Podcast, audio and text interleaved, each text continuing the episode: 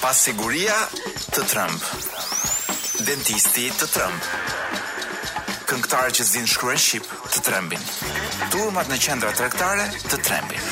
Martesa të tremb. Beqaria të tremb edhe më shumë. Tabela kujdes shofer i ri të trëmb. Çmimet e shtëpive të trembin, kredia të tremb.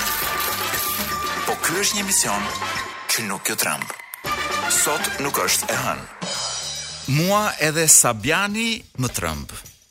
Më sakt më trëmb me ato gjëra që nxjerr nga goja dhe dëgjova një ba, një batutë si ishte në fakt ishte një e vërtetë e thellë e jetës së Sabianit, e cila më ktheu gjithë botën përmbys. Sabiani na paskërka qenë dikur një rebel metalar. Dhe jo vetëm kaq, po duke qenë rebel metalar nga ajo mënyrë jetese, Sabiani paska arritur në konkluzionin që njeriu nuk duhet të martohet. Tani ndoshta nuk ka shumë lidhje ndërmjet të qenit rebel metalar dhe të mosmartuarit. Ëh, po kjo puna e martesës është një gjë që për shumicën e njerëzve është si puna taksave dhe vdekjes, shumë e sigurt. Por pikërisht Sabiani, Që po t'ia heqësh flokët ngjan si matrioshk, nga ato ruset. Pra një gjë e vogël e mirë kështu si buçko, paskësh qenë metalar edhe rebel dikur. Dhe nuk kisha menduar që ndonjëherë në jetë do kisha domethënë një shok si puna e këtij. Domethënë ajo gjëja drogë, sex dhe rock and roll tashmë ndryshon komplet. Është ku di unë. Macchiato, Pornhub edhe Sabian. Ë uh, kemi Vetëm dy minuta kohë më njofton DJ Wizi për të bërë një pasqyrë të shpejtë të lajmeve të javës që kaloi. Do të kemi edhe një pjesë tjetër të lajmeve që janë ato që unë i quaj lajme rozë, por që do i trajtojmë mbas orës 7. Çfarë kemi? Kuvendit i paskan ikur dritat, deputetët qenkan gajasur së qeshuri në errësirë.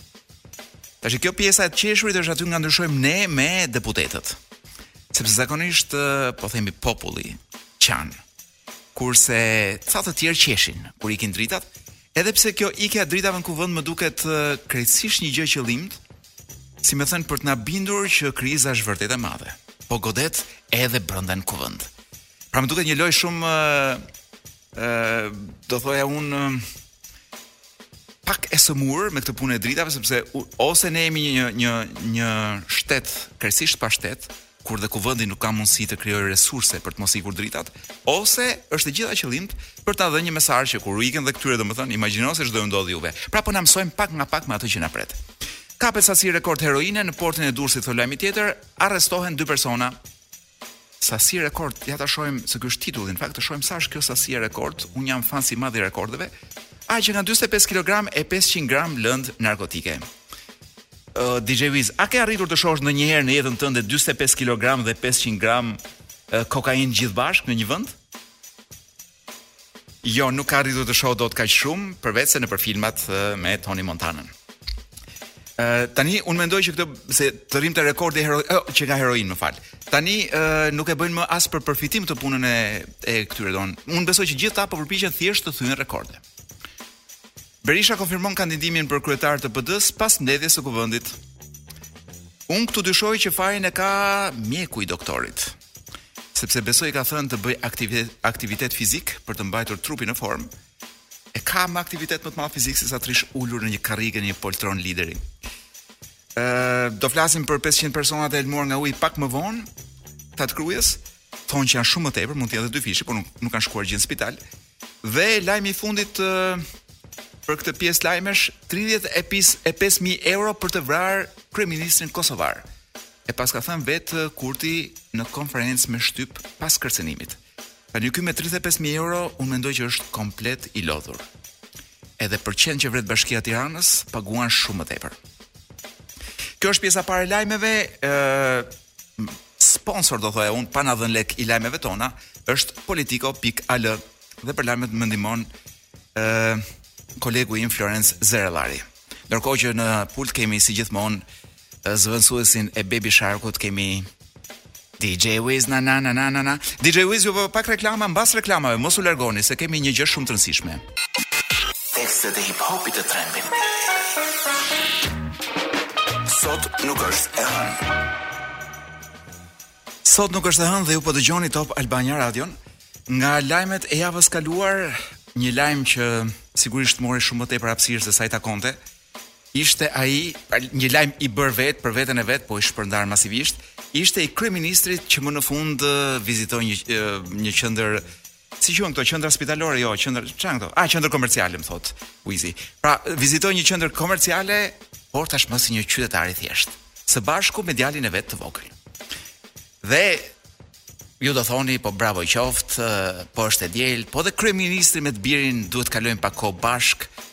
ë Sa nga ju mund ta thonë këtë? Sa të tjerë me cinizmin e tyre që na ka ardhur në majë të hundës, Do thonim po fëmijët mos duhet të dalin në parqe të luajnë në bar, mes lulesh, pemësh, ku di unë milingonash, pilivesash. Mos vallë fëmijët duhet të jenë kreativ me lodrat e veta, të dalin të lozin me shokë dhe jo të mbyllen në qendra komerciale.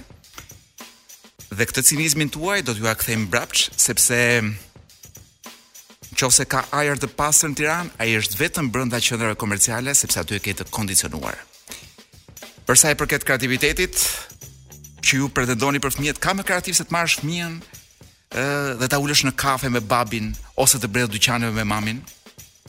Kurse sa për shokët, për këta kalamajt e bllokut më duhet të them që është si puna e kalamajve të Enverit që ë historia ka treguar që kalamajt e bllokut nuk kanë shokë.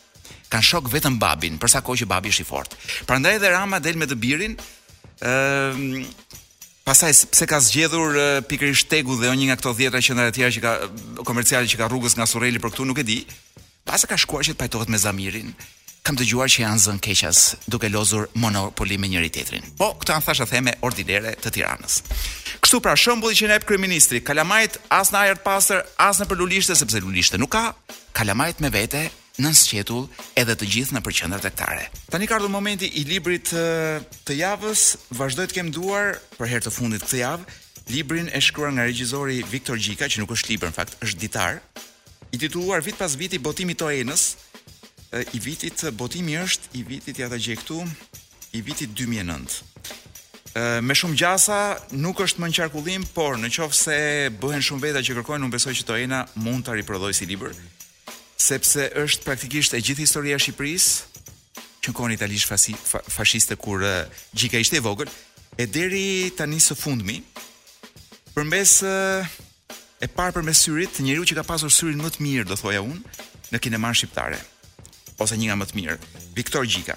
Ë në javët e kaluara shfletuam pak situatën e filmit në kohën e komunizmit, shfletuam pak edhe periudhën e Gjikës në Rusi, e cila të rrënqethte ë me detajet e veta dhe ti kuptoje se sa ndryshe ka qenë socializmi në ca vende, krahasuar me të tjerat. Për shembull, ai socializmi rus plot me orgjira, me ku di unë me gjëra të bukura, me femra, me vajza, me zhveshje, me ku di unë, me festa.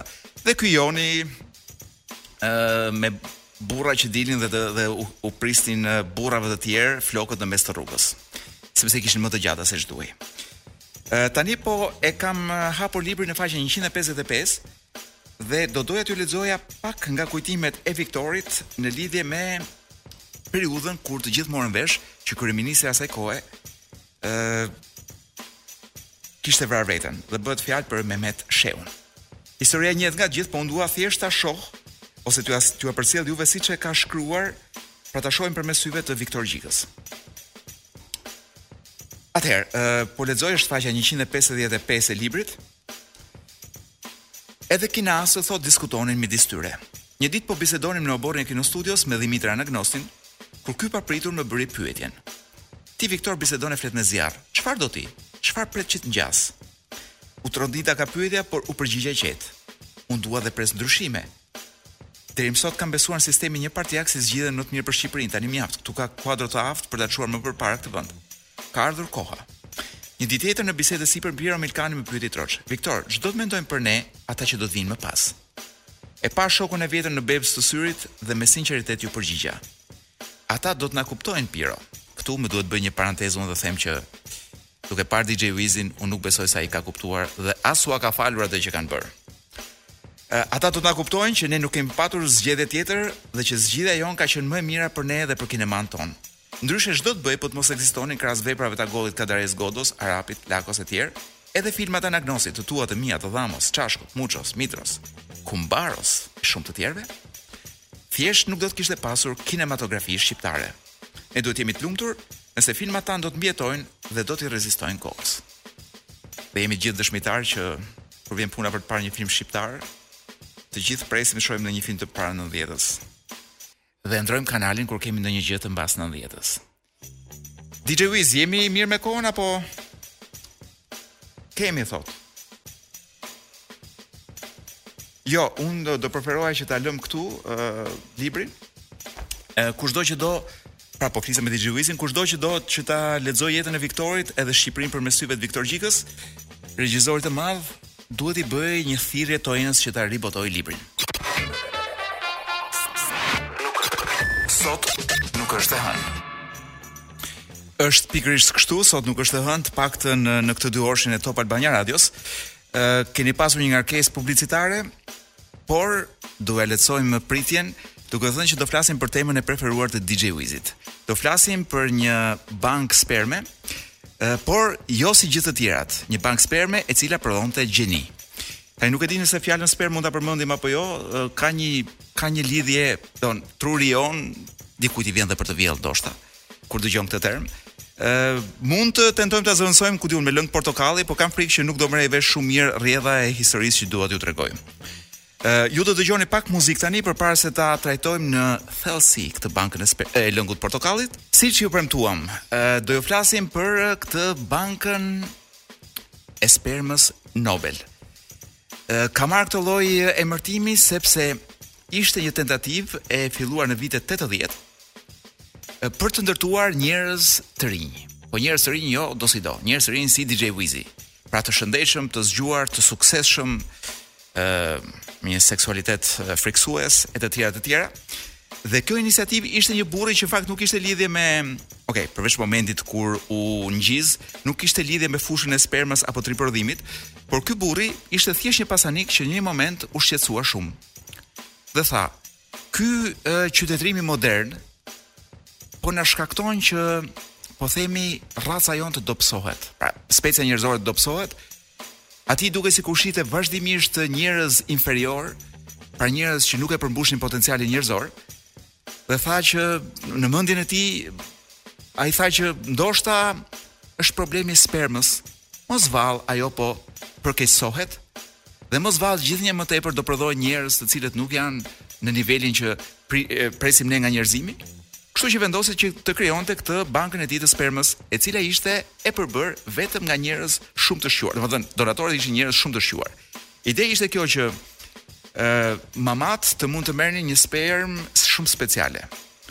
Ë nga këta donatorët e spermës atje kishte shkencëtarë, kishte madje thuhet që ka pasur edhe një notar që kishte marrë një medalje olimpike të artë, po të cilin nuk e tregonin që gjithashtu kishte, ku di unë, kishte marrë edhe një diplomë në psikologji. Kishte pastaj shkencëtarë të tjerë nga fusha e financës, Pra gjithë njerëzit ndoshta më të zgjuar të globit në vitin 1980 kur u ngrit banka e Nobelit e spermës. Ë dhe imagjino që ta jepnin fare fare lirë, 50 dollarë don, aq sa ç'mund të lësh sot në një në një klub nate, atëherë ti mund të merrje merrje esencën e ku di unë. Kë kemi ne njeri të shquar këtu o DJ Wizi, domethënë që që mund t'ia vlente që ta përcillte, përcillte genet e tija lart e poshtë. Ë? Nuk i shkon. Ëm, jo, do të po që emra politikanësh nuk i them në radio. DJ Wizi mendon që politikanët shqiptarë kanë, do janë pikërisht në këto standarde që ta shpërndajnë spermën e tyre me kosto të lirë. Që ta marrin në qafë një herë e përgjithmonë. Atëherë, çfarë ndodhi me këtë eksperimentin? Rezultati ishte që fëmijët nuk dolën gjithë gjeni, janë 214 217 fëmijë që u lindën pikërisht përmes kësaj banke të spermës elit, elitare. Ë rregullat kërkonin që mamaja nuk ishte pse të ishte gjeni për vete, sepse mjaftonte babai të ishte në nivel gjeniu, por mjaftonte që të ishin në, në gjendje shumë të mirë financiare për ta mbajtur dhe për ta rritur fëmijën. Dhe shumica e atyre siç po lexoj në artikull, paskan qenë, paskan pas burra që nuk kishin mundësi të prodhonin pra që të prodhonin fëmijë. Dhe 217 fëmijë lindën dhe jo të gjithë ishin gjeninj. Madje, sigurisht që grupi i tyre në total paska qenë mbi mesataren thuhet, por disa prej tyre ishin vërtet brilantë. Njëri prej tyre u bë shumë publik, përgjatë viteve 80 edhe deri vonë në mes të viteve 90 ishte bërë shumë reklamë. Meqenëse mamaja e tij vendosi ta bënte publike në media që ishte, po themi, një nga përthiset e produktit të kësaj banke. Dhe ky djali na paska treguar në sy të gjithë botës, ndiqej nga gjithë mediat vazhdimisht, na paska treguar që paska pasur cilësi shumë të larta. Për shembull, shkëlqente në piano, në piano. Ë përdorues i shkëlqyer i kompjuterave. Ë kishte potencial ë edhe në shkencat ekzakte. Shumë i mirë edhe në fizikë madje. Domethënë i paska pasur gjithë ato gjëra shumë të mira. ë ka mbaruar shkollat më të mira edhe Harvardin. Ama vetë ky nuk është i bindur që është një gjeni. Më vonë ai është është bërë thjesht një mësues dhe gjëja që përpiqet t'i mësojë njerëzve është kjo që njeriu nuk bëhet i zgjuar përmes gjeneve. Dhe kjo është pyetja që bën vazhdimisht përpara audiencave të tij, a bëhet njeriu i zgjuar vetëm nga gjenet? Për shembull, qoftë se ti shkon me një, ku di unë, me një politikan orator të nivelit të lartë në Shqipëri. A thua që fëmija jot, përveçse do jetë i llastuar, ë dhe ndoshta do ketë nuk do ketë kurrë nevojë të të punojë për shkak të pasurisë paligjshme që i ka lënë i jati. A do jetë edhe i zgjuar vërtet? Me sa duket këtu ka një pikëpyetje shumë të madhe. Sepse ky eksperimenti për cilin po flasim në fund të fundit nuk e vërteton këtë fakt. Madje paska pasur edhe fëmijë me probleme, njëri madje ë paska përfunduar me sëmundje mendore dhe paska shkuar deri në prag vrasjeje njerëzish. Kështu, ë kjo është pak a shumë eksperimenti për cilin po ju flisja, Me sa duket kjo banka e spermës së Nobelit ë nuk na tregon gjë tjetër, është mbyllur në 1999-ën përveç faktit që për të bërë një DJ ti duhet thjesht të martohesh me një DJ ose të flesh një natë me një DJ, por jo shkosh në bankë edhe kërkosh ta bësh fëmijën shumë të zgjuar.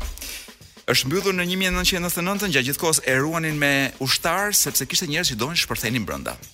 Nuk e di nëse donin shpërthenin për të vjedhur, po themi produktet e bankës apo për shkaktuar ndonjë dëm tjetër, apo për të ndruar epruvetat. Nuk do marrim vesh kurrë. Është mbyllur siç thash në 1999-ën. Ë do të shkojmë pak në kopshtet e Edenit. Ju jeni besoj të gjithë familjar me historinë e Adamit dhe Evës. Tek tuk mund të ketë edhe ndonjë që bën batuta, ë po kur sheh një burrë me emrin apo takon një burrë me emrin Adam, ë gjëja e parë që shkon në mendje është tek legjenda biblike. Dhe kjo puna e Adamit dhe Evës ë ka qenë më e komplikuar se ç'ju mund të mendoni. Sepse nuk ka pasur vetëm një Adam dhe një Evë në parajsë. Pra, ë po themi në rrëfenjat e Biblës. ë përpara Evës, Adami kishte një të dashur tjetër. Për të cilën Eva nuk mori vesh gjë kurrë me sa di unë.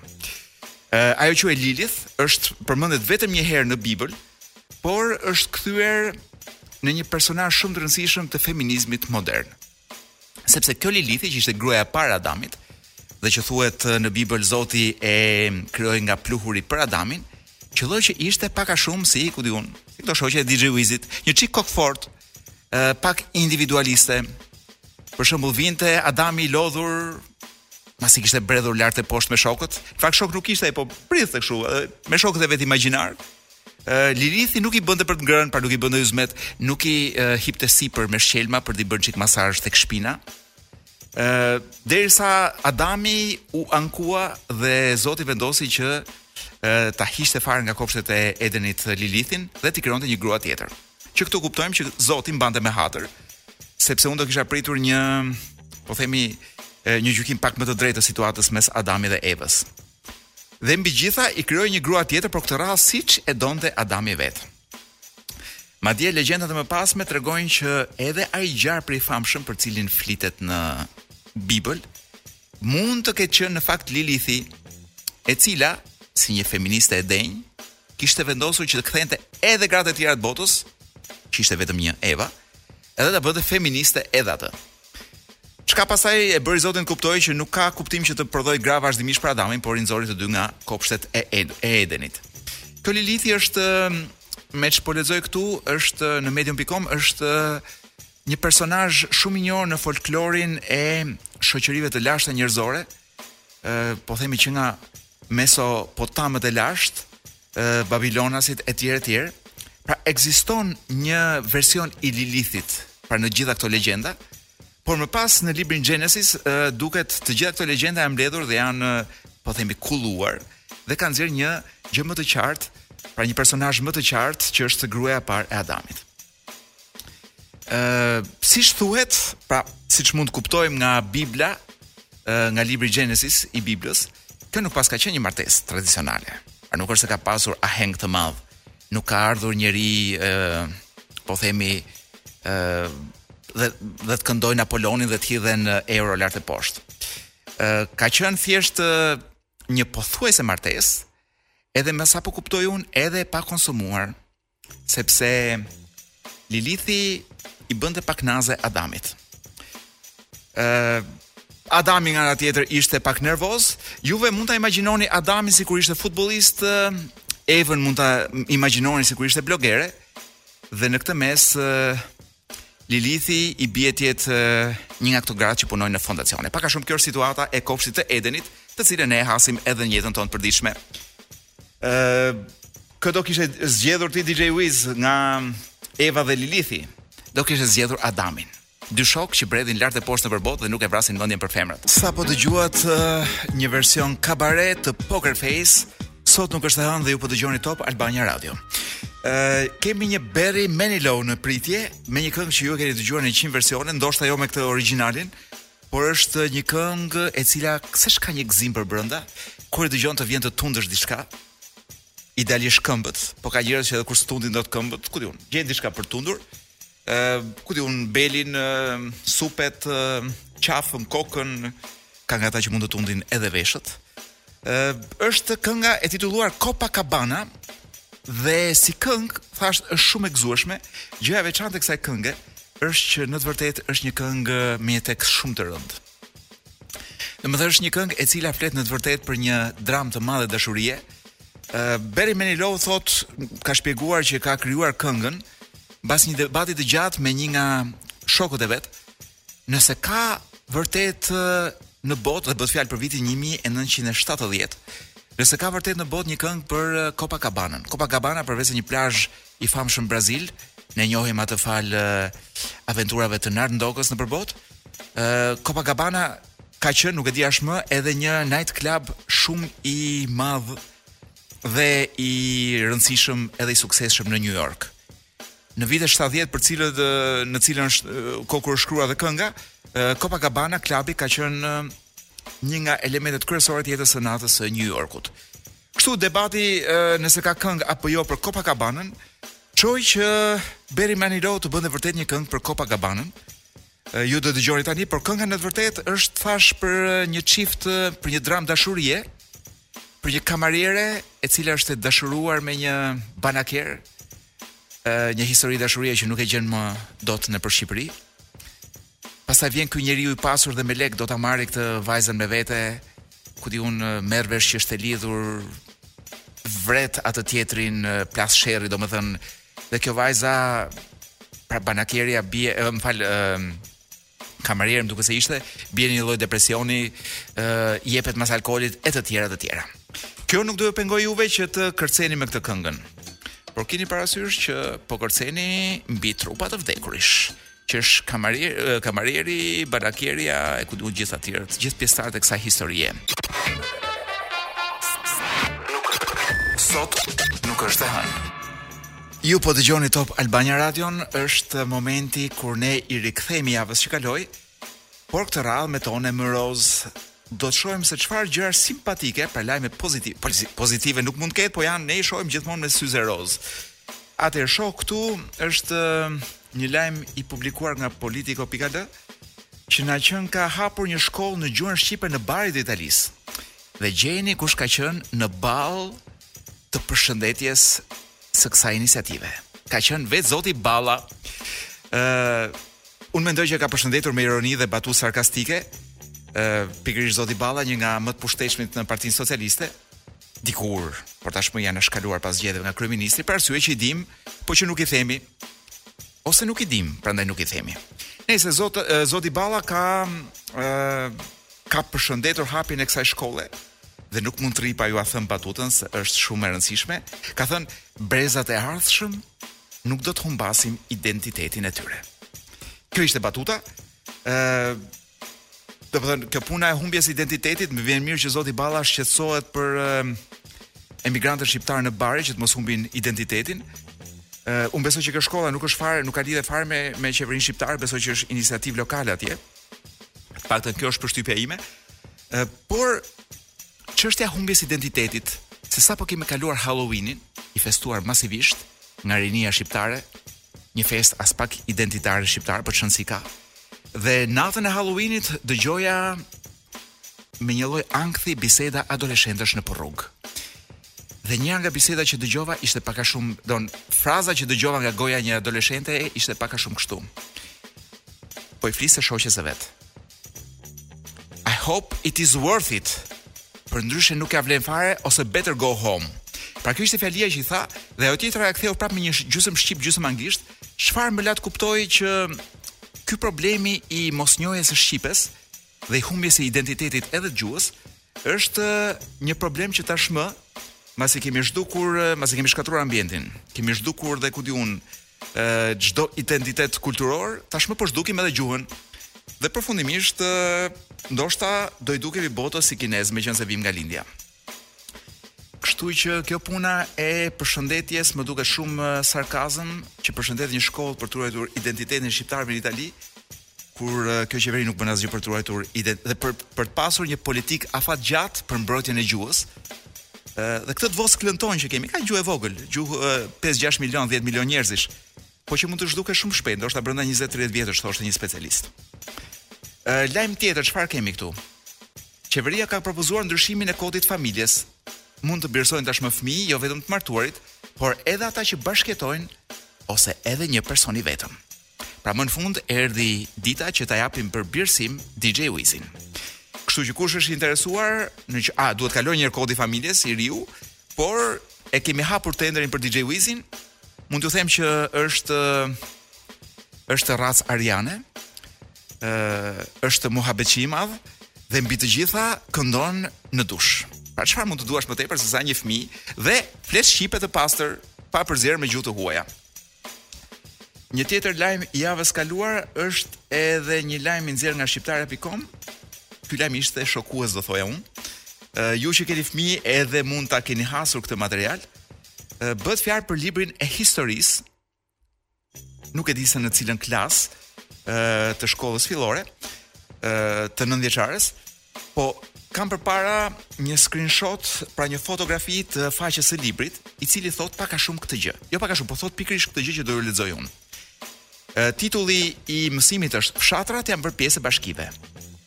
Fotoja që shoh këtu nuk është foto e një fshati shqiptar, është foto e një prej këtyre getove ku jetojnë të pasurit. Pra si foto ilustruese fshati shqiptar është një nga këto fshatrat e pasanikëve, ë ku gjithmonë është një roje me automatik, i cili kur ti shkon për të takuar dikë brenda fshatit, ë do të di edhe me kë ka shkuar në shkollë mamaja jote, përpara se të lërë të futesh brenda këtij fshatit, duke dhënë dhe gjithë të dhënat e tua dhe duke thënë ku do shkosh dhe ku ku do shkosh dhe pse pse po shkon etj etj. Pra ky fshati, kjo getoja, ë është marrë si shembull e një fshati shqiptar. Dhe po lexoj dhe materialin brenda. Dikur fshatrat qeveriseshin si komuna, ku disa fshatra përbënin një të tillë. Ditët e sotme, ato janë bërë pjesë e bashkive të mëdha. Në fakt ky fshati këtu nuk e di ç'kujt bashkie, ky ky është si bashki më vete në fakt. Ë drejtuesit e bashkive për t'u kujdesur për fshatin caktojnë një administrator Unë këtë gjë nuk e kam dëgjuar ndonjëherë. Rruga automobilistike të çon drejt në qendër të fshatit, që nuk është e vërtetë për këtë për këtë fshatin në fjalë këtu, sepse ky është me kangjella dhe rrugë automobilistike të hapur për njerëzit aty nuk ka. Me rrugë të asfaltuar ai lidhet jo vetëm me qytetin, por edhe me fshatra të tjerë. Pothuajse të gjithë shtëpitë e fshatit janë bërë të reja. Tani DJ Wiz, kur është hera e fundit që ke qenë në një fshat? Po nuk e kam fjalën për këtë fshatin në po themi fshatin e pasanikëve të rrethuar me kangjella, po fshat fshat nga këto fshatrat e zakonshëm shqiptar. Ke parë ndonjë shtëpi të re? Unë shoh vetëm shtëpi të braktisura, ë të rrënuara, të pamirëmbajtura dhe nuk shoh njerëz. Ama këtu thuhet në qendër të fshatit është shkolla dhe qendra shëndetësore një gënjeshtër gjithashtu. Banorët atje janë dashamirës edhe me çdo kalimtar.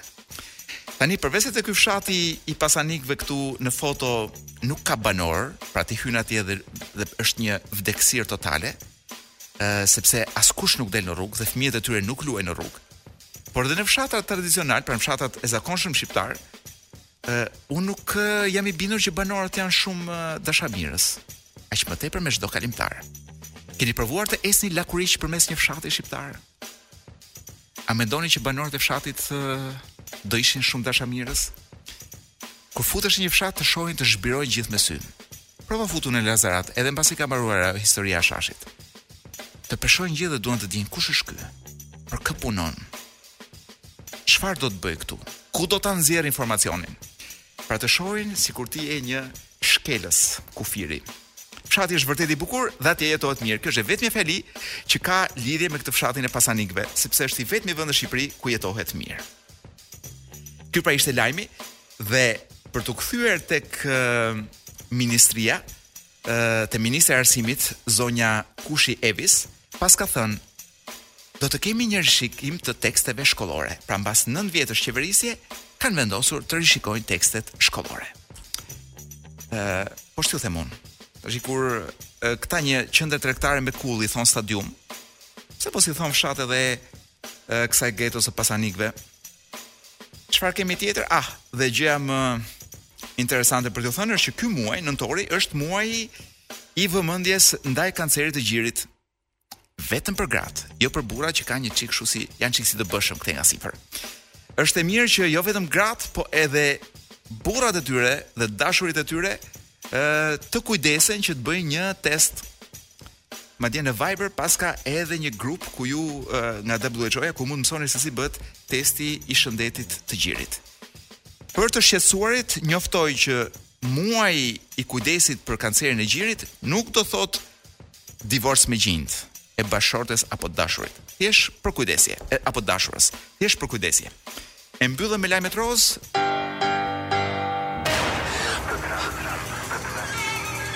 Të llahtarisë. Por ky është një emision që nuk ju tremb.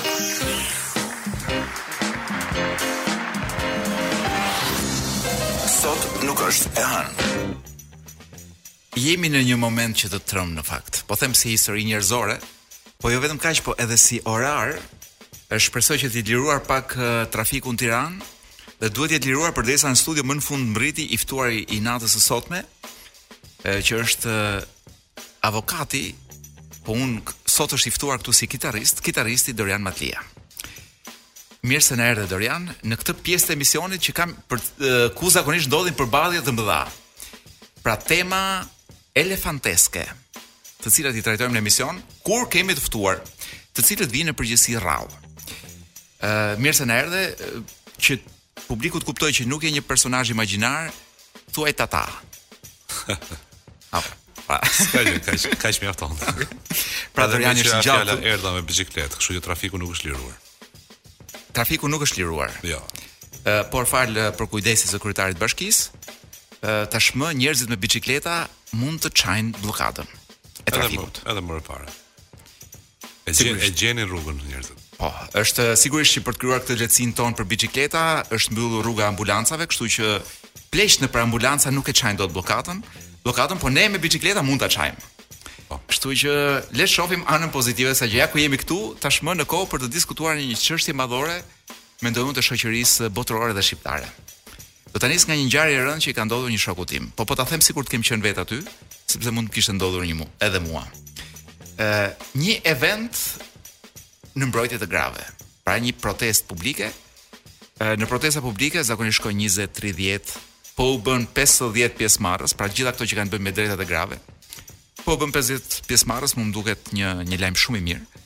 Ë përveç rasteve kur vetë qeveria vendos të organizojë një protestë për gratë për shembull, siç ka ndodhur ku vihet gjithë mekanizmi në lëvizje edhe vijnë me me qindra mijëra njerëz për të protestuar kundër patriarkalizmit.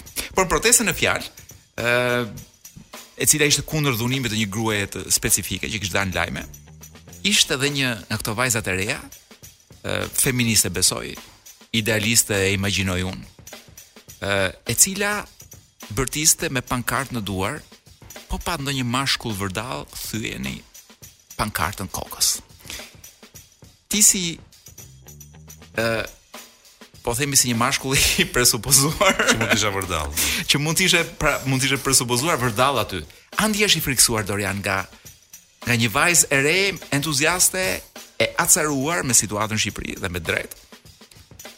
Por që pllakat atë pllakatin mund t'ia thyejë kokës ndoshta njeriut më paqësor që po kalon aty. Dhe shyqyr që s'ka qëlluar DJ Wizi sepse DJ Wizi tonë është pak a shumë si këngët house, domethënë po po iu ngrit nervi nuk ulet para orës 4 të mëngjesit. Ë uh, ato protestat faktikisht me thënë të drejtën nuk më duket se organizon qeveria ndonjë gjë. Janë protesta masive vërtet. Jo. Kundër patriarkalizmit janë gjithmonë protesta masive. Ë uh, Arsyeja mendoj unë është sepse ngaqë nuk është në pushtet patriarkalizmi. Sepse Sigurisht. po të ishte në pushtet, nuk do guxonte njeri të bënte protesta. Për shembull, shikoni sa protesta mund të zhvillohen në, në Afganistan. Ë, Menjëherë u veshën burka të gjithë gjithçka me radhë, pra aty ku funksionon patriarkalizmi, nuk është kaq e lehtë të bësh protesta kundra. Sigurisht këtu ku nuk ka, dhe ku nuk ka, ë, mund të lejohet një manifestim shumë i madh. Është më tepër ideja se sa është ekzistenca e patriarkalizmit. Në fakt, në fakt patriarkalizmi këtu nuk është se nuk ekziston. Ekziston patjetër. Ë, po por ku, ku më çifet ky? Për t'i kthyer përgjigje pak asaj pyetjes që the, domethënë që a do kisha frikë nga një vajzë e re që do më thyente pankartën kokës, jo nuk është se kam frikë, me thënë të drejtën, kam kokën e fortë. Ë, nga goditjet e një vajze të re. Po edhe pankartat janë çik të brishta, se janë me materiale të dobta. Por problemin e kam qoftë se për shembull fjala vjen në kuadrin e kësaj thirrje, Do ishte ndonjë burrë që do do të më thyente pankartën kokës sepse ia kërkonte ajo vajza këtu pastaj do filloja të frikësohesha pra domethënë kur burrat hidhen kundër njëri tjetrit pa arsye se të hidhen me arsye gjithmonë ka ndodhur në histori dhe nuk është ndonjë çudi më fal ë uh, mund të bëjmë një dalje nga tema më kujton po. një moment ku burrat janë hedhur me arsye kundër njëri tjetrit Burrat me arsye. Se gjithmonë burrat duket sikur gjejnë arsye shumë banale për tu krefur, për tu zënë, për jo, tu karamuar me njëri tjetrin kur thot po okay. nuk nuk është nuk është fjala me arsye në sensin e, e të pasurit arsyes të vlefshme detyrimisht, është një, një interes. Ke një interes, për shembull lufton për për për të mbrojtur veten tënde. Dikush që të vjen bie në qafë, patjetër, domethënë mund të mund të karamohesh, domethënë kështu, në kuptimin plot fjalës, me arsye në atë rastin aty. Flas kur është pa arsye, është kur të ysht një i tretë. Për tu për tu zënë me njëri tjetrin. Atëherë po është problem. Dhe faktikisht pra, burrat atëherë përse nuk e bëjnë gjë të tillë, më lejo të kuptoj mirë. Hmm. Sepse në kokën time kam një imazh shumë gati filmik. Po. Kam burrin që troket në derë. Mm -hmm. Kam të dashurin që varet nga balkoni. Kam dhe gruan kundër kundër njëri tjetrit, po faktikisht. Ky është i vetmi po. moment kur un mund t'i shoh burrat kundër njëri tjetrit me një arsye, po themi deri diku të kuptueshme. Ë jo aq edhe legjitime do thoja un. Po burrat zihen për prona, burrat zihen për shumë gjëra, shumë burime të natyrës. sa po na hape një temë të gjerë, domethënë pse zihen burra dhe mund ta diskutojmë herë tjetër, po të kthehemi te kjo puna e e po themi e shfryrjes patriarkalizmit. Ë e shfryrjes së një vajze të acaruar për gjëra që nuk shkojnë mirë në Shqipëri, a mendon se e ka gjetur vendin ku duhet ta thyjë? Pra, koka jote, a është vendi i duhur për të thyer pankartën ose koka ime? Për atë vajzën po, sepse ajo vajzë atje është e është e yshtur të besojë që burrat janë armiq. Dhe patjetër që në atë rastin konkret ajo të shef armikun, nuk shef një burrë, shef një armik. Edhe e godet armikun. Patjetër, këtë gjë bën njeriu gjithmonë me armikun. Problemi është gjithë procesi se si transformohet një burrë në armik. Ky është problemi më i madh. se si domethënë çfarë ka ndodhur rrugës. Uh, pra ku, ku e ka humbur kjo vajza rrugën sepse unë e ndjej kaq shumë shqetësimin e saj. E mirëkuptoj kaq shumë shqetësimin e saj. Deri te pika ku ajo domethënë vërtet. Çfarë është proletari? Si? Vajza është shndruar në një proletare. Çfarë është proletari në fund fundit? Proletari në kuptimin marksist fjalës Mund të ishte një person i cili për shkak të pabarazisë ku e shikon veten, nuk mendon që gjërat janë për shkaqe edhe personal, pra varen nga zgjedhjet e tij në jetë e gjithçka me radhë, por mendon që dikush ia ka marrë pa të drejtë dhe e ka vendosur në atë pozicionin e shtypur. Dhe këtu, domethënë ai është një tashmë një njeri i frustruar, i i vuajtur, i cili është dhe i ndërgjegjësuar njëkohësisht. Ky është dallimi. Në rastin konkret një vajzë të re, e cila domethën deri më sot, qoftë se mund të shofi disa diferenca që mund të ketë, po themi, gjinia e saj, që mund të varen nga shumë arsye, mund të varen nga zgjedhjet e vet saj në jetë, ashtu siç varen dhe ku kushtet ku jemi ne varen nga nga zgjedhjet tona. Ëh, qoftë se dikush e ndërgjegjëson dhe thotë, shiko, nuk ke asnjë faj, Është një nga sloganet për shembull që dëgjon shpesh ti s'ke asnjë faj. Po ty fajin ta ka një armik që tashmë e kemi identifikuar se kush është dhe kemi edhe me fytyrë. Është ky burri që po kalon këtu. Është një burrë, domethënë s'ka një burrë. Po që po kalon rastësisht po. afër protestës. Për një burrë i cili nuk identifikohet si me ty, pra po nuk nuk identifikohet si një burrë feminist, ai automatikisht një burrë misogjin, një burrë i cili domethënë përfaqëson atë që quhet mashkulloriteti toksik. Dhe sigurisht këtij do t'ia thyejmë uh, tabelën kokës sepse s'mund të bëjmë asgjë më të mirë me këta njerëz se sa kaq. E kuptova. Ë uh, a është pak a shumë kjo gjëja, kjo vajza që i thyen që na thyen neve, po themi mua ose ty rastësisht një ë uh, pankartë kokës. A është në të voglën e vet një një shëmbëlltyrë e asaj lëvizjes MeToo të famshme. Pra, a ka bërë të njëjtën gjë dhe lëvizja MeToo? Lëvizja MeToo, lëvizja MeToo është një është më shiko, duhet ta shohim. A ka goditur, si me thënë në mënyrë uh, pa asnjë lloj diskriminimi, pa bërë një baraspeshë, kush janë fajtorët e mëdhenj, kush janë uh, njerëzit e pushtetshëm abuziv dhe kush janë ata që ndoshta për një për një gjest që kanë bërë kur kanë qenë të pirë në vitin 1978, ndoshta nuk mund të ndëshkohen kaq fort sot dhe të hiqen nga puna dhe zhduken nga Shiko, lëvizja MeToo. Publike etj. Lëvizja MeToo nuk është një lëvizje për të gjet fajtorë. Lëvizja MeToo është lëvizje për shfajësuese për gjininë femrore. Është shfajësuese, është lëvizje që është me këtë synim.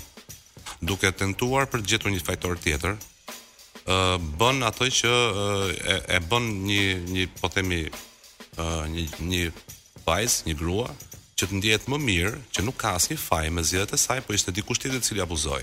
Kjo duhet shikuar në vazhdën e shumë gjërave që kanë ndodhur gjatë dekadave. Nuk është thjesht një kaq një lëvizje MeToo dhe mbaroi këtu. Ë kemi domethënë ndryshimin e, e konstant të gjithë rregullave të lojës. Për shembull, fjala vjen sot, nuk konsiderohet më konsenti pra pëlqimi, midis dy të rriturve për t'u angazhuar në marrëdhënie seksuale nuk konsiderohet më si dikur që uh, poja është po, joja është jo, etj etj. Sot ka dhe po që nuk janë po. Domethënë për shembull fjalë një po e thënë në kushte alkooli nuk është po. Po pra. Një po e thënë me gjysmë zëri ose një po që nuk është entuziaste si po, nuk konsiderohet si po. Po si ta masim nivelin për shembull DJ Wiz është djalë beqar. Ëh. Mm -hmm. Dhe del natën dhe herë mbas here gjendet jo se do të pijë vetë, po e Domethënë për hir të shoqërisë femërore është i detyruar që të pijë nga një gotë. Ë nga ta kuptojë edhe si ta masë ai nivelin e entuziazmit të po-së, për ta kuptuar që është një po me plot gojën dhe nuk është një po gjysmake. Nuk e ka asnjë lloj mundësie ta kuptojë. Po nuk do nxjerrin ndonjë tester apo ndonjë asnjë lloj asnjë lloj zgjidhje s'ka. Ka, kjo varet vetëm thjesht nga uh, nga vajza në fjalë, Nëse ajo do ndihet mirë të nesërmen për atë që ka ndodhur, atëherë do jetë gjithçka në rregull. Nëse do ndihet keq, ai rrezikon gjithçka. Shiko, le të themi të vërtetën që. Kam lexuar të paktën katër vendime gjykate të vitit të kaluar të të rrethanave të ngjashme. Të tmerrshme si vendime gjykate, por ama domethënë japin një leksion gjithë djemve. Të tmerrshme në ç'kuptim? Të dënuar burra me vdekje, me prerje organesh gjenitale, çfarë ka ndodhur? Jo, s'është ky vetëm tmerri, po tmerri është edhe të humbësh për shumë shkollën, të shkosh disa vite në burg, vetëm thjesht me një dëshmi dhe pa asnjë provë tjetër, madje duke qenë dhe shoqet e vajzës duke thënë që nuk ka asnjë gjë të vërtetë në gjithë këtë historinë këtu. Në ç'vend të botës ka ndodhur? Tiranë. Në Tiranë. Po. Pra ka ndodhur prit se tani gjëja u bë serioze. Ka ndodhur mm. gjatë jetës natës. Ka ndodhur gjatë jetës ditës. Gjatë jetës ditës, një çift është një çift që ekzistonte si çift, domethënë prej kohësh. Shkurt muhabeti familja mori vesh që kjo vajza kishte këtë lidhje me këtë djalin. Dhe vajza që të justifikohej para familjes, atëherë thotë unë nuk ka, ai thjesht më vardiset mua, po unë s'kam asgjë me të. Gjithë shoqet e klasës e dinin çfarë lidhje kishte. Dhe si përfundim shkon vajza bashkë me nënën në komisariat, denoncojnë dhe mbi bazën e kaq, pra vetëm kësaj dëshmie, kundra gjithë dëshmive të tjera, djali dënohet. Mirë, ky është një rast specifik do thoja unë. Pra nuk është rasti konkret për cilin po flasim. Ë uh, përvoja botërore e shprehur shumë qartë ë uh, është që meshkujt në përgjithësi mbas një nate alkooli ë qefi më i madh ishte t'i mburreshin njëri-tjetrit shiko e gjeta tapë filanen dhe bëra këtë gjë dhe bëra atë dhe bëra atë. Kështu mm. që kjo mituja ka bërë këtë një lloj ribalancimi. Pra në Europën Perëndimore, në Amerikë, apo dhe në ku di unë vende të tjera me frymë perëndimore nuk ka nuk është kaq e kollajshme më që të abuzosh me dikë që është i pirë, me një vajzë që është e pirë edhe të edhe të mburresh. Dhe unë mendoj që mituja këtu ka e ka arritur një Dakor, por problemi është te balanca. Problemi është tek fakti që shkelet prezumimi i pafajësisë. Pra domethënë, çdo njeri mund të akuzohet nga mituja. Ky është problemi. Nuk po them që çdo vajzë apo çdo grua do ta bënte një gjë të tillë, thjesht e ka mundësinë. E ka mundësinë. Mund të abuzojë kushdo dhe pastaj varet thjesht nga karakteri personal i secilës. Ama mundësia, arma është dhënë, është njësoj si t'i japësh pushkë me vete dikujt e të thuash ok unë besoj tani në karakterin tënd do ta shkrepësh apo jo, sipas ndërgjegjës tënde. Çfarë rreziku ka kjo? Rreziku është që mund të akuzohen njerëzit në mënyrë false. Mirë, kjo mund të ndodhte gjithmonë në të gjitha format. Jo, nuk ndodhte më. Unë di raste burrash që ë uh, ku di unë, për t'i komplikuar jetën ish gruas për shembull, çerrin veten dhe shkojnë në polici dhe thonë më ka rrahur gruaja. Jo, nuk kam dëgjuar të raste. Ndodh e kundërta. Jo, unë kam dëgjuar një rast të tillë, kështu që pra po unë nuk besoj që mund ta gjykojmë fenomenin mbi raste të veçanta si ky që sapo thamë. Mirë, dakor, po, okay, unë po them se ekziston rreziku. Ekziston rreziku. Rreziku është një problem më i madh i lëvizjes MeToo. Ë mirë është ideja. Pra ideja mbart në sfond që mos pra të ngrihet po themi një farë mënyrë ndërgjegjësimi që shiko se s'mund të bësh çdo çdo lloj gjë si duash me një grua ta gjesh në pozicion vulnerabël. Patjetër, sepse lëvizja MeToo nuk ka vetëm alkoolin, lëvizja MeToo ka dhe ë dhunën në qendrën e quan dhe ngacmimin seksual në qendrën e punës se është shantazhuar nga një kontratë pune apo apo karriera për shembull fjala vjen patjetër që këto janë të gjitha të rëndësishme çështja është domethënë se çfarë po prodhon si efekte anësore dhe janë që janë të dëmshme gjithashtu dhe efekti anësor i parë është pikërisht domethënë shkelja e prezumimit të pafajësisë si standard një pra po po bëhet standard si të thuash fakti që nuk ka pse të besohet më burri trust women Është një nga sloganet kryesore të lëvizjes MeToo. E dyta, pra, Biden. Po këta burrat që kanë bërë një çikë veten për të mos u besuar kanë bërë ë. Jo, se unë s'e kam bërë veten për mos t'u besuar, kështu që nuk kam pse të vendosem në pozicionin që dikush do të thotë jashtë kësaj tavoline. A, po, jo, ke dakord jashtë sa. E shikon pra neve nuk kemi jashtë kësaj tavoline, ne jemi brenda kësaj tavoline kur vjen puna për lëvizjen MeToo, të gjithë. Dori, mua më shqetëson një gjë tjetër, përveç kësaj që thua ti, që është pra që është pjesa e gjyqit, Po mua më shqetëson diçka në në në marrëdhëniet ndërmjet dy gjinive. Për shembull, ka një lloj tradite po themi të paktën që nga revolucioni francez e këtej, një lloj po themi galanterie ndaj të burrave, ndaj grave, për shembull mm. hapja derës diku. apo nganjëherë dëshira për të qerasur thjesht për faktin që burrat zakonisht paguhen më mirë, gratë paguhen më pak, kështu që sikur të vjen natyrshëm që të qerasësh ti në qoftë se merr më shumë. Ëh. Mm -hmm. Dhe kam vënë re që kjo MeToo-ja ka filluar të zhdukë edhe këto lloj edhe këtë, pra nuk ka më gentleman, ti nuk guxon të japësh don. Po flas për Europën. Po, nuk ka ftesa për të dalë, nuk, nuk ka planifikim për të për të për të për të dalë po themi për herë të parë me një vajzë, domethënë nuk ka. Ti s'guxon ta qerasësh sepse ajo mund të nuk ka komplimenta, si nuk i jepen shumë, domethënë. Unë e qeras dot veten time, don. Çfarë mendon? Çfarë thua, unë s'kam para. Tash tek pjesa e pagesës, me thënë të drejtën, rezulton që vajzat pa fëmijë dhe djemtë pa fëmijë, të kësaj moshe vajzat paguhen më mirë sesa djemtë, është e vërteta sot sipas statistikave në gjithë botën. në perëndimore flas, pra nuk është nuk ka lidhje kjo pjesa. Pra vajzat kanë mundësi, si të thuash, të paguajnë vetë, po problemi i madh është tek gentlemanllëku, le ta quajmë kështu, mm -hmm. domethënë. Ëh, uh, është një nga produktet e patriarkalizmit, ç'është e vërteta. Çfarë është patriarkalizmi? Është ndarje në lojë skuadre midis burrave dhe grave duke i paracaktuar role gjinore, paracaktuar apo jo. Dhe, grave i kanë dhënë rolin e paracaktuar gjinor që që kur lind ti do bëhesh nënë, do bësh fëmijë, do bësh punë të shpisë, do bësh këtë, do bësh atë, kurse burrave duhet ti do shkosh në luftë, ti do bësh këtë, ti do hapësh derën, ti do do qerasësh, ti do paguash për mjetet e jetesës, gjithçka me radhë. Ë, këto janë gjitha domethënë pra, si burri do çaj dru, ë gruaja do jo, bëj gjellën. Burri do, do edhe do, edhe do qerasi, siç e the ti, domethënë burri do tregohet edhe edhe gentleman, burri dhe do hapi dhe derën, burri dhe do mbroj gruan në rast se dikush e ngacmon e kështu me radhë. Pra domethënë, burri i ka të ka gjithë ato detyra nga patriarkalizmi. E kuptoj. Që nga momenti që neve, si thua, lëvizja MeToo dhe çdo dhe lëvizje tjetër, domethënë, ë, uh, nëse lëvizja MeToo është pjesë e një e një lëvizje më të madhe, po po themi e gjithë ato valët e feminizmit sot po mundohen të thyejnë patriarkalizmin dhe mirë bëjnë për këtë gjënë këtu, duhet të kuptojmë që dhe efekti anësor i goditjes së patriarkalizmit është edhe te heqja e roleve të paracaktuara gjinore tek burrat. Që do të thotë burrat s'kanë më pse të marrin as rolin e mbrojtësit, as rolin e furnizuesit me mjete jetese, as rolin e xhentëlmenit. Dhe faktikisht kjo është një pasojë e kësaj lufte. Unë do të të pyes, unë do të gjë e keqe në vetvete. Unë do isha shqetësuar më shumë në nivel energjie.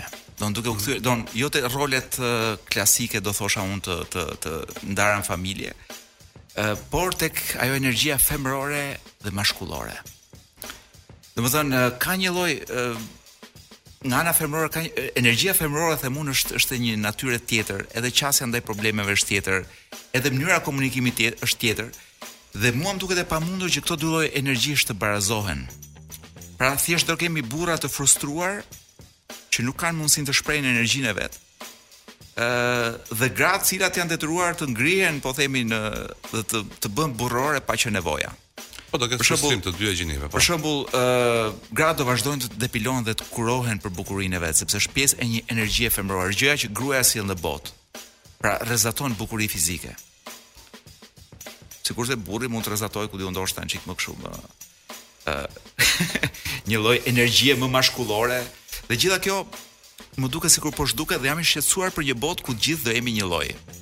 Sepse nuk do guxojmë të dalim dot tek energjia që është ë Jo, nuk është ashtu, domethënë të dyja gjinitë nuk e kanë njësoj problemin. Ë sot domethënë sjelljet mashkullore tipike janë ato që luftohen, kurse sjelljet femërore tipike nuk luftohet.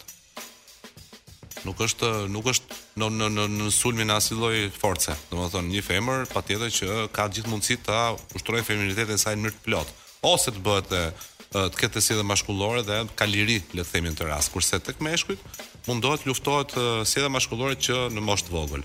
Që në momentin kur janë në shkollë fillore etj etj, fillojnë domethënë problemet e para se si ca lloj sjelljesh ndalohen dhe futen gjithmonë e më tepër në katror. Kush duhet ta ndërroj poçin në shpi, këtë më thuaj.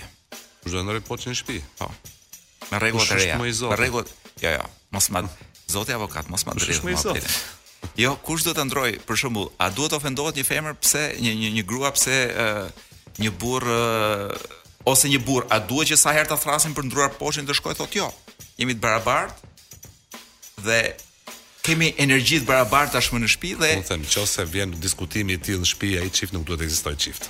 Aha, pra ti prapë thua që çiftet janë vetëm ata që e shofin bashkësinë si një plotësim i njëri-tjetrit. Nuk Jini dhe Jangu, pra. Unë nuk jam për çifte, madje nuk duhet të ekzistojnë fare çifte të tilla ku dy njerëz sillen si të barabartë. Jo, duhet të sillen si të barabartë në kuptimin e veçantisë që ka secili dhe që plotësojnë njëri tjetrin. Ndryshe nëse nuk ekziston ky lloj kombinacioni, kur kemi për të ngritur 3 bidona ujë. Ëh. Mhm. Nga 5 4 bidona ujë nga 5 litra secili. Kush do t'i ngrejë nga kati i parë në të pestin? Ashensori është prishur. Kush është më i zoti pra?